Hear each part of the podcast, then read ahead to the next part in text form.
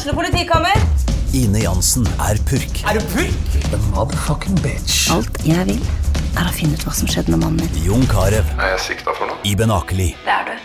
Ole So, Lars Berrum og Big Daddy Karsten. Hvem sin side er du på, egentlig? Anette Hoff, Tone Danielsen, Kommer du fra Afrika?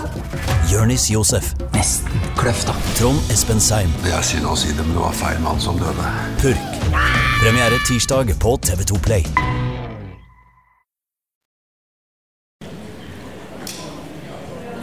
Jeg holdt på å si eh, Doktor Torgersen, hvordan har vi det i dag? Jo, vi har det ganske fint. Jeg har sovet godt, faktisk. Kort, men godt i natt. Jeg var på en fest for to dager siden. Jeg merker at det tar nok to dager å komme seg sånn passe igjen nå. Var det ikke sånn før? Nei. Da kunne jeg være oppe og gå ganske raskt etterpå, ja. Men eh, nå er det sånn at det henger litt grann i. Det blir litt for mye vin og litt for gøyalt. Da må jeg ha en dag å ta meg igjen. Fin start. Velkommen til en ny episode av TB-podden. Jeg heter Marie Olaussen. Denne uka skal du få høre en samtale som jeg hadde på Tønsberg kommunes konferanse Endelig voksen, med Trond-Viggo Torgersen, som har skrevet boka 'Kroppen for voksne'. som handler egentlig om noe vi ikke snakker så veldig mye om, nemlig hva som skjer med kroppen mens tiden går. Hva som blir bedre og hva som blir dårligere. Og de fleste tenker på at ja, alt blir jo bare dårligere. Og mye av, mye av det blir jo mye dårligere. Eh, fordi vi har jo to parallelle ting som skjer i kroppen. Det er at ting går i stykker, og ting repareres. Og det er det, det er det to forskjellige systemer for, holdt jeg på å si. Én er at vi er best før dato. Og det er at vi er best før vi har fått laget en ny generasjon. Og så går det liksom litt nedover med alt mulig. Alt går litt mer i stykker. Og så er det immunapparatet vårt og fornyelsesapparatet vårt som hele tiden reparerer. Men de klarer ikke å reparere like fort som det går i stykker. Så derfor, Det er jo derfor vi eldes med kroppene våre. Ellers så ville de jo vært ganske like ganske lenge. Eh, Og så et av hovedbudskapene mine for å gi her, denne kunnskapen videre, er jo at man kan gjøre en del ting for å holde, opprettholde den reparasjonssiden. Og gjøre en del ting for å sakke den gå-i-stykker-siden. Men det handler jo mye om hva det er lurt å gjøre i din alder for å få en best mulig min alder. Så det jeg tenker er at flest mulig bør få kunnskap om det, så de kan tenke sjøl og gjøre noen valg sjøl som, eh, som jeg syns er eh, Det er lompete å ikke si fra om. Og, og da tenker jeg at, at denne generasjonen som sitter her også, mange av dem er jo i røykegenerasjonen som lærte å røyke fordi det var tøft. Jeg rakk aldri det å få det til, jeg da. Sånn at jeg, jeg har jo ikke røykt, annet enn når jeg har vært figurer og sånt nå. Eh, og, og det som skjer med deg når du røyker, det er at du driver veldig mye med å stimulere den gå-i-stykker-delen av eh, kroppen vår. Det er veldig mange prosesser i kroppen som går mer i stykker ved å røyke.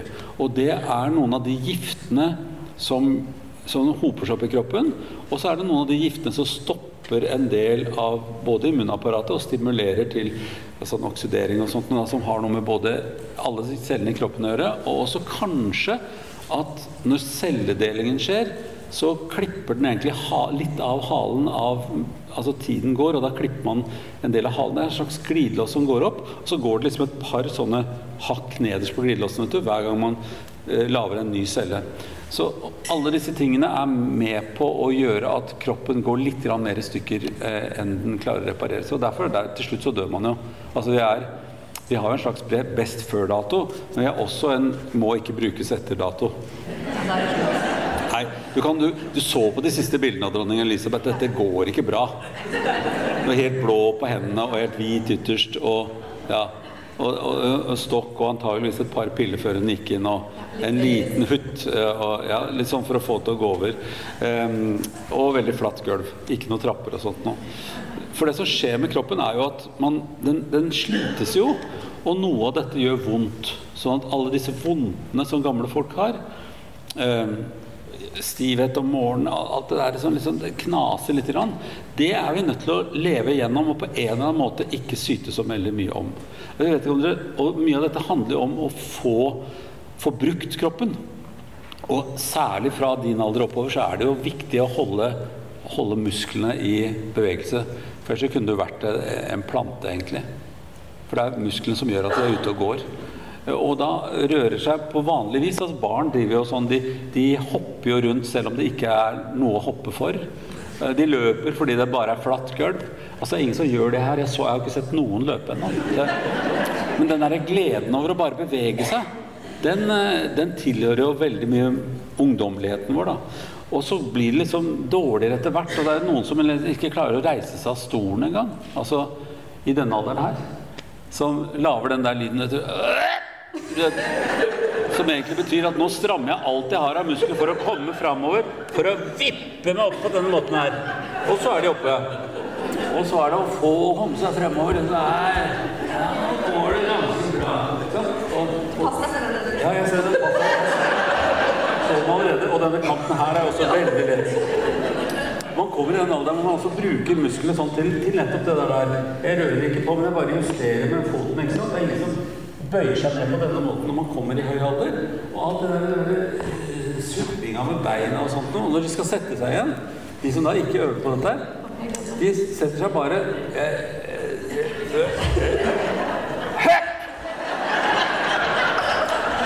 Og den måten Hvis du har begynt å bli sånn, da er du nødt til å gjøre knebøy.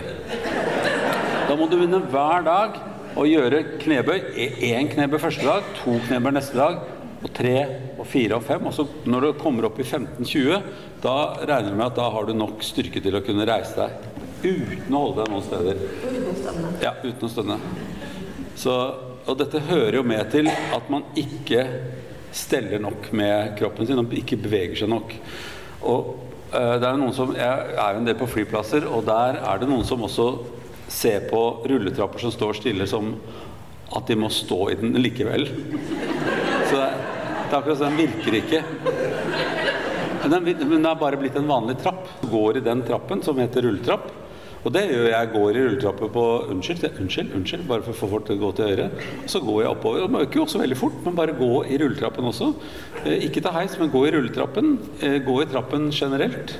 Ta bussen til et holdeplass lenger og gå tilbake igjen. Eller litt kortere og gå fremover. Alle sånne ting som både gjør det litt mer bevegelse enn egentlig det ligger an til. Kjøre bil, f.eks. Parkere ganske langt unna der du skal. Sånn, jeg må ha bil. Nei, du må jo ikke ha bil. Du klarer jo buss. Det blir kanskje litt langt å gå når det er dårlig kommunikasjon. Men eh, jeg som bor i Bergen eller Oslo, der går jeg og tar trikk. Altså. Det er veldig fort gjort å komme seg fram likevel. Når du begynner å få litt vondt i ryggen, da må du i hvert fall begynne å trene. Og, og, og, gjøre ting som er vondt, det er jo en beskjed fra kroppen om at her er det et eller annet som har stivnet litt. Så du må dra det fra hverandre og brekke det litt opp. Altså, jeg har begynt å gjøre noe så tåpelig som morgengymnastikk, og det trodde jeg aldri jeg skulle gjøre. Det ser jo veldig tåpelig ut det jeg driver med, men jeg, jeg har et sånt lite program. Kan du vise? Jeg kan vise noe av det. Jeg har en sånn vond ting som jeg kan vise. Og det er at man skal veldig langt fram unnskyld, med det ene benet. Og så skal man ned sånn, og så skal man tøye fram. Sånn framover som dette her. Og så tilbake så langt man kommer, så man kan strekke ut her. Det er også veldig vondt. Og så frem igjen. Sånne ting. Sånn dette her med andre benet. Og gjøre kul Ja, det er Nei, det, nå strekker jeg på en muskel som jeg ikke liker å strekke på. Au! Og her også. Au! Og det der med å jobbe mot smerte, det er også en del av det man blir god til etter hvert, hvis man orker det. Men hvis man bare gir opp øh, og sier nei, jeg er så det har Du vet, det er hoften med meg og sånne ting. Det er bare tull. Det er bare tull. Å nei, det er det ene beinet. Og alle som da får operert opp inn, inn en kneprotese f.eks., de tenker at nei, det er så vondt å trene opp at det gidder jeg ikke. Men hvis du ikke trener opp, så blir det bare enda verre lenger ut i løypa. Og dette er ting med aldring generelt, at det blir verre hvis du ikke tar det nå. Hvis du har gått opp veldig mye kilo, så hvis du ikke tar det med en gang, så blir det verre å bli kvitt etter hvert. Fordi At, og det er en annen ting, at eldre mennesker trenger jo mindre mat. I den forstand at de trenger mindre kalorier. Så det Det er fordi at kroppen trenger mindre. Den har mindre muskler, eller færre muskler, og mindre volum. Og så bruker den ikke så mye energi fordi at vi ikke er så veldig aktive. Så hvis du er veldig aktiv, og da mener jeg trener fem ganger i uka, og har store muskler, så kan du spise ganske mye. Men veldig mange gamle de sier jo nei, vi lager ikke middag i dag, vi tar noen brødskiver. Og det det fører til, er at man får mye mm, kalorier, mye mer korte kalorier, og kalorier som bare er Ja, det er kaloririk mat og ikke næringsrik mat. Og mange eldre får i seg dårlig med næring. Får i seg for lite næring. Og det betyr at all den kosen som vi utsetter oss for, den er livsfarlig. Altså, du skriver i den boka det går an å kose seg i hjel. Ja, det mener jeg også. Snakk litt om det. Ja. eh, Stikkord er napoleonskake. Så Legg den på høykant, del den i tre. Legg to av, legg to av dem i fryseren. Og del den tredjedelen med kjæresten din, hvem enn den du er sammen med. For dette er altfor mye, både kalorier og for mye mat. Uansett alder, tenker du? Ja, for man blir rett Ja, det kan noen si, men altså for denne gjengen her altfor mye kalorier. Man blir for mett, og da tenker man "Åh, har ikke lyst på middag. Så det å bli sulten og spise litt lenger fra hverandre, og gjerne det som heter faste, som kroppen gjør sjøl, fordi det heter 'du sover likevel', du klarer ikke spise når du sover. Så hvis du sover, så sover du vanligvis da seks, syv, åtte timer. Ikke spis i løpet av den tiden. Og så hvis du bare legger til et par timer til, utsetter frokosten til å bli litt svimmel Bare tull. Så, så har du gitt kroppen litt, litt mer tid til å bli sulten. Og så spise tre måltider i løpet av dagen, eh, og ikke spise altfor seint. Som regel. Altså som det heter på fransk en general. Eh, jeg prøver å lære meg fransk også når det er et helvete, men likevel. Altså det der med, med bakst generelt, jeg er kjempeglad i bakst jeg også. Men eh, er nok blitt litt flinkere til å både dele bakst og eh, jeg satt ved siden av, og dette er selvfølgelig skryt, ikke snikskryt engang. Jeg satt En gang før denne flytypen gikk i så kjørte jeg en gang Concorde til Amerika. Eh, og da, på første rad, først, de to første radene, for hun brukte faktisk det, fire plasser uten å bruke mer enn én, satt eh, dronning Elisabeth sin søster, prinsesse Margaret. Og da tenkte jeg nå må jeg gå på do, for jeg må ha gått i nærheten av henne litt. på en måte. Så jeg gikk fram eh, og, gikk på do og nikket pent til henne. Og, sånn. og da sa jeg at hun bare delte opp all maten. Hun. Bare delte hun opp så det så ut som hun hadde spist, og så drakk hun isteden. Så hun, hun drakk kanskje litt mye. Men det derre Og når man er eldre, å dele opp maten og ikke nødvendigvis spise alt, er jo også et triks. Og særlig når det gjelder bakst. Altså man må ikke, fordi Vi har noe som heter nøding i Norge, som stammer fra den gangen bestefaren min flytta fra Veiland og inn i virkeligheten, holdt jeg på å si. Og, og, og da var det sånn at man skulle gi til gjestene det aller beste man hadde. Og så sa man nei, men her vil jeg ha mer, og at du skulle få det beste. Og hele den der nødingen den fører jo til i våre dager at man overkoser på en eller annen måte. Nå er det tre for to i bolle sånn kjøp på bensinstasjon. Jeg går, går der, og så hvis jeg har lyst, så sier jeg jeg skal ha én bolle. Ja, nå er det tre for to. Ja, men jeg har bare lyst på én. Og så sier hun ja, da må jeg ta ut den av posen, da. Ja, du får nesten gjøre det, da.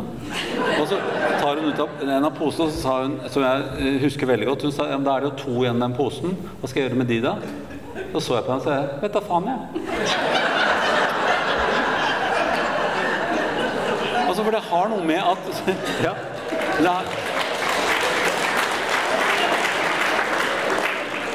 Det har, noe med at vi har ikke behov for mer.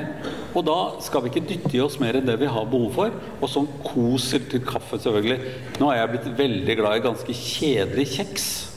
Eh, altså helt vanlig sånn kjedelig havrekjeks. Og det, hvis man ikke legger på for mange av gangen, eller bare gir en til hver og sånt, så er det Man blir jo Det blir kos, og man blir mett av det også. Så det der med både røyking og kaffe er jo et, et kosested. Og da skal man være litt nøye når man blir eldre, at dette her skal jeg ikke gjøre for mye ut av. Kongen vår, eh, altså Harald, han, eh, han eh, fikk jo kreft i blæra. Og da sa legen hans nå må du slutte å røyke. Og da slutta jeg sånn. Og det var irriterende lett. Og det er det nok for noen. Det er irriterende lett hvis man virkelig blir skremt. Og når man blir eldre, så kan man jo lett bli skremt av det. Og så er det noen som sier at det spiller ingen rolle, for nå er jeg jo over 80 år. Ja, ok. Ja, hvis du er over 80, da kan du, hvis du regner med at du skal dø likevel ganske fort, så er det, da kan du gjøre hva du vil. Da kan du jo begynne å stå slalåm til og med. For det er, det er noe med det at det, det må jo ha sammenheng med livet ditt. Men altså det å å eh, hvis du røyker, så er det aldri for seint å begynne å slutte litt.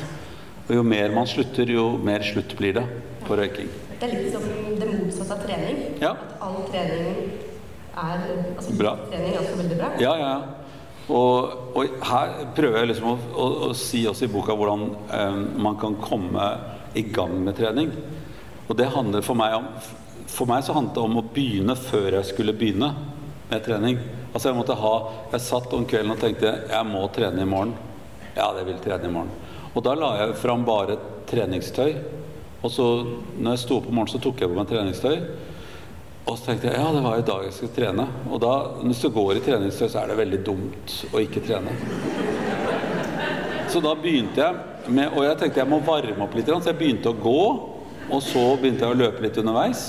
Og, og det sier jeg til alle som er pasienter også. Bare begynn med å gå. Og så, så går du et kvarter, og så går du hjem igjen. Og så sier da pasienten veldig ofte Jeg gikk mer enn et kvarter, ikke en halvtime. Jeg lurte deg. Ja, jeg lurte deg. Så, så det derre å begynne med noen ting som, er, som man føler seg vel av etterpå, det er det ikke noe dumt å bare, bare rett og slett begynne. Bare sette av i morgen skal jeg trene. Og da begynne på, på en sånn måte at man rett og slett har bestemt seg. For vi trenger noen som bestemmer over oss, og det bør helst være oss selv.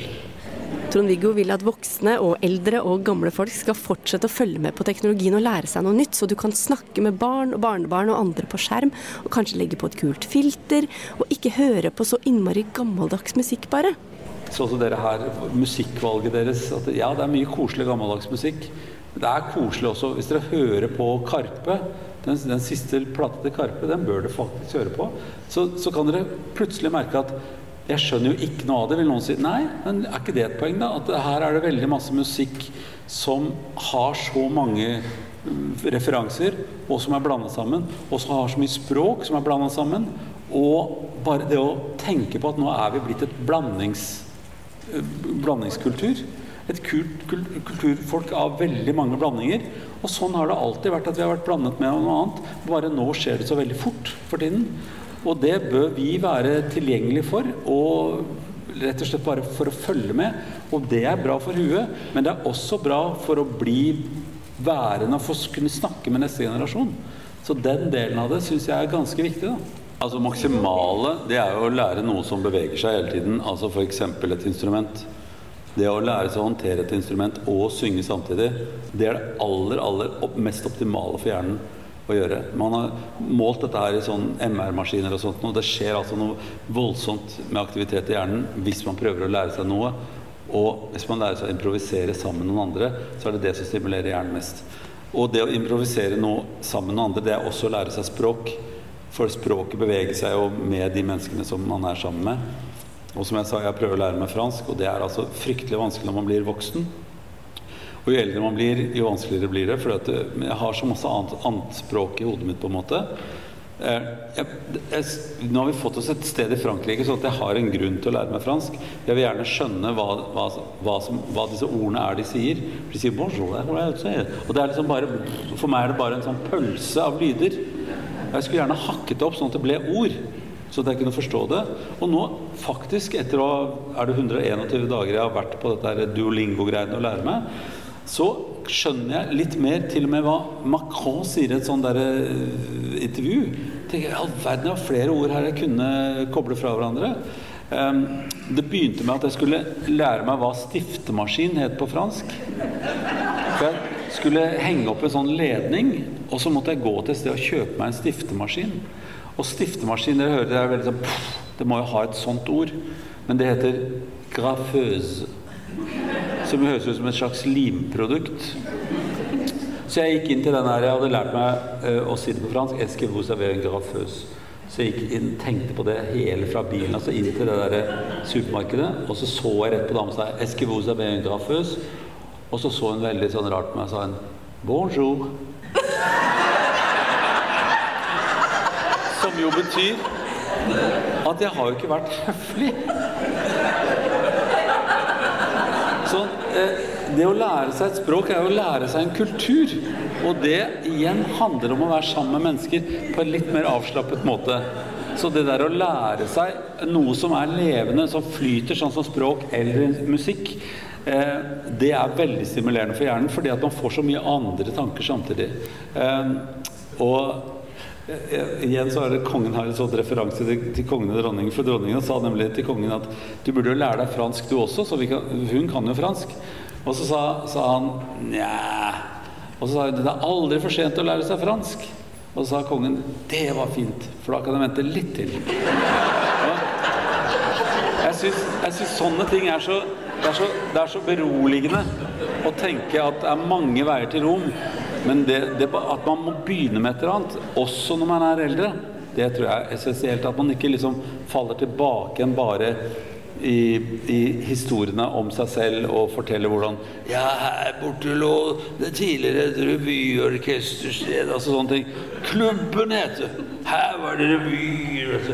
Og så, nå er det jo bilder av folk her nede som jeg kjenner. Jeg trodde noen av dem var døde allerede. Og det, og det er jo det også, noen av dem. Men altså, det er noe med at vi må ikke bare bevege oss med ryggen til fremtiden.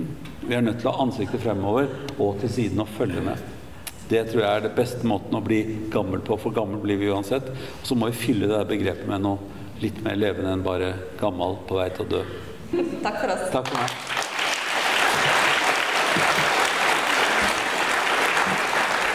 Du har hørt en ny episode av TV-podden fra Tønsbergs Blad. Det er jeg som har laget programmet. Jeg heter Marie Olaussen, og vår ansvarlige redaktør både for Tønsbergs Blad og for TV-podden er Sigmund Kydland. Velkommen tilbake til en ny historie i neste uke. Har du et enkeltpersonforetak eller en liten bedrift? Da er du sikkert lei av å høre meg snakke om hvor enkelt det er med kvitteringer og bilag i fiken, så vi eh, gir oss her, vi. Fordi vi liker enkelt. Fiken superenkelt regnskap.